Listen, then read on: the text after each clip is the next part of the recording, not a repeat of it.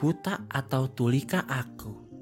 Jumat 8 April bacaan Injil diambil dari Yohanes 10 ayat 31 sampai dengan 42. Sekali lagi orang-orang Yahudi mengambil batu untuk melempari Yesus.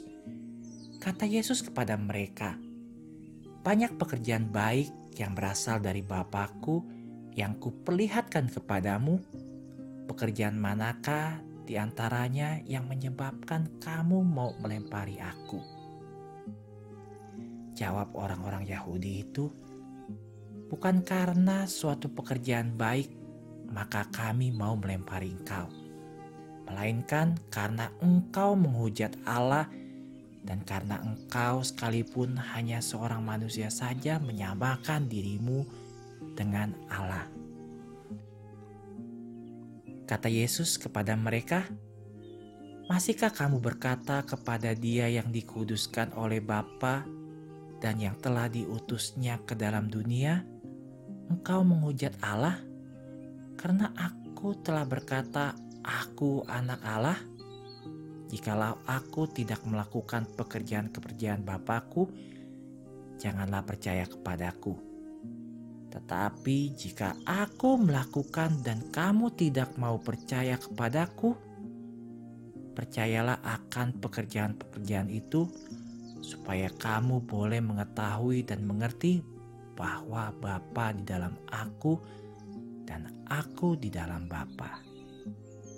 Sahabatku, mereka tidak peduli keajaiban apa atau bahkan berapa banyak keajaiban yang mereka lihat mereka tetap tidak akan percaya. Mereka buta karena tidak ingin melihat. Mereka ingin melempari Yesus dengan batu karena sebagai manusia dia menjadikan dirinya Tuhan. Padahal kenyataannya adalah justru sebaliknya. Sebagai Tuhan dia menjadikan dirinya manusia. Sebenarnya masalahnya adalah bahwa orang-orang Farisi ini tidak mau percaya kepadanya. Percaya kepada Yesus berarti mengubah cara hidup mereka. Hal ini terkadang terjadi pada mereka yang tidak mau menerima hukum moral karena tidak nyaman bagi mereka mereka tidak ingin mengetahui kebenaran, sehingga mereka dapat terus melakukan apa yang mereka inginkan.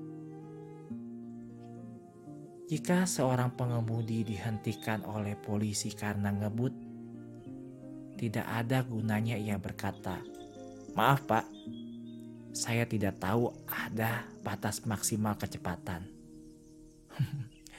Suka atau tidak dan disadari atau tidak kita tahu adanya batas kecepatan.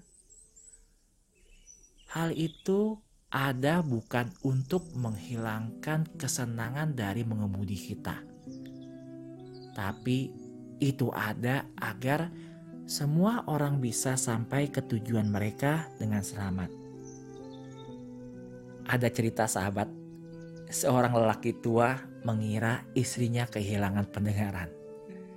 Untuk memeriksanya, dia mendekati istrinya dari belakang saat dia duduk di kursi santai dan beri bisik. Sayang, bisakah kamu mendengarku? Hmm, dia tidak mendengar tanggapan.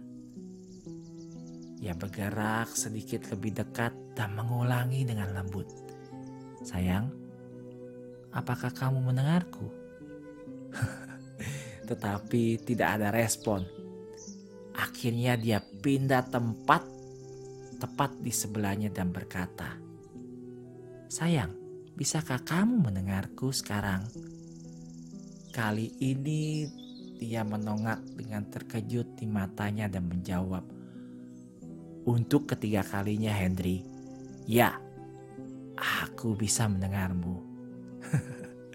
Ternyata Henry yang benar-benar memiliki masalah pendengarannya sahabatku.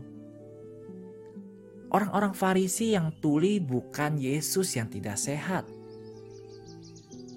Bundaku, berdoalah agar aku tidak pernah buta atau tuli terhadap kehendak Tuhan. Bunda Maria, harapan kita dan tata kebijaksanaan, doakanlah kami.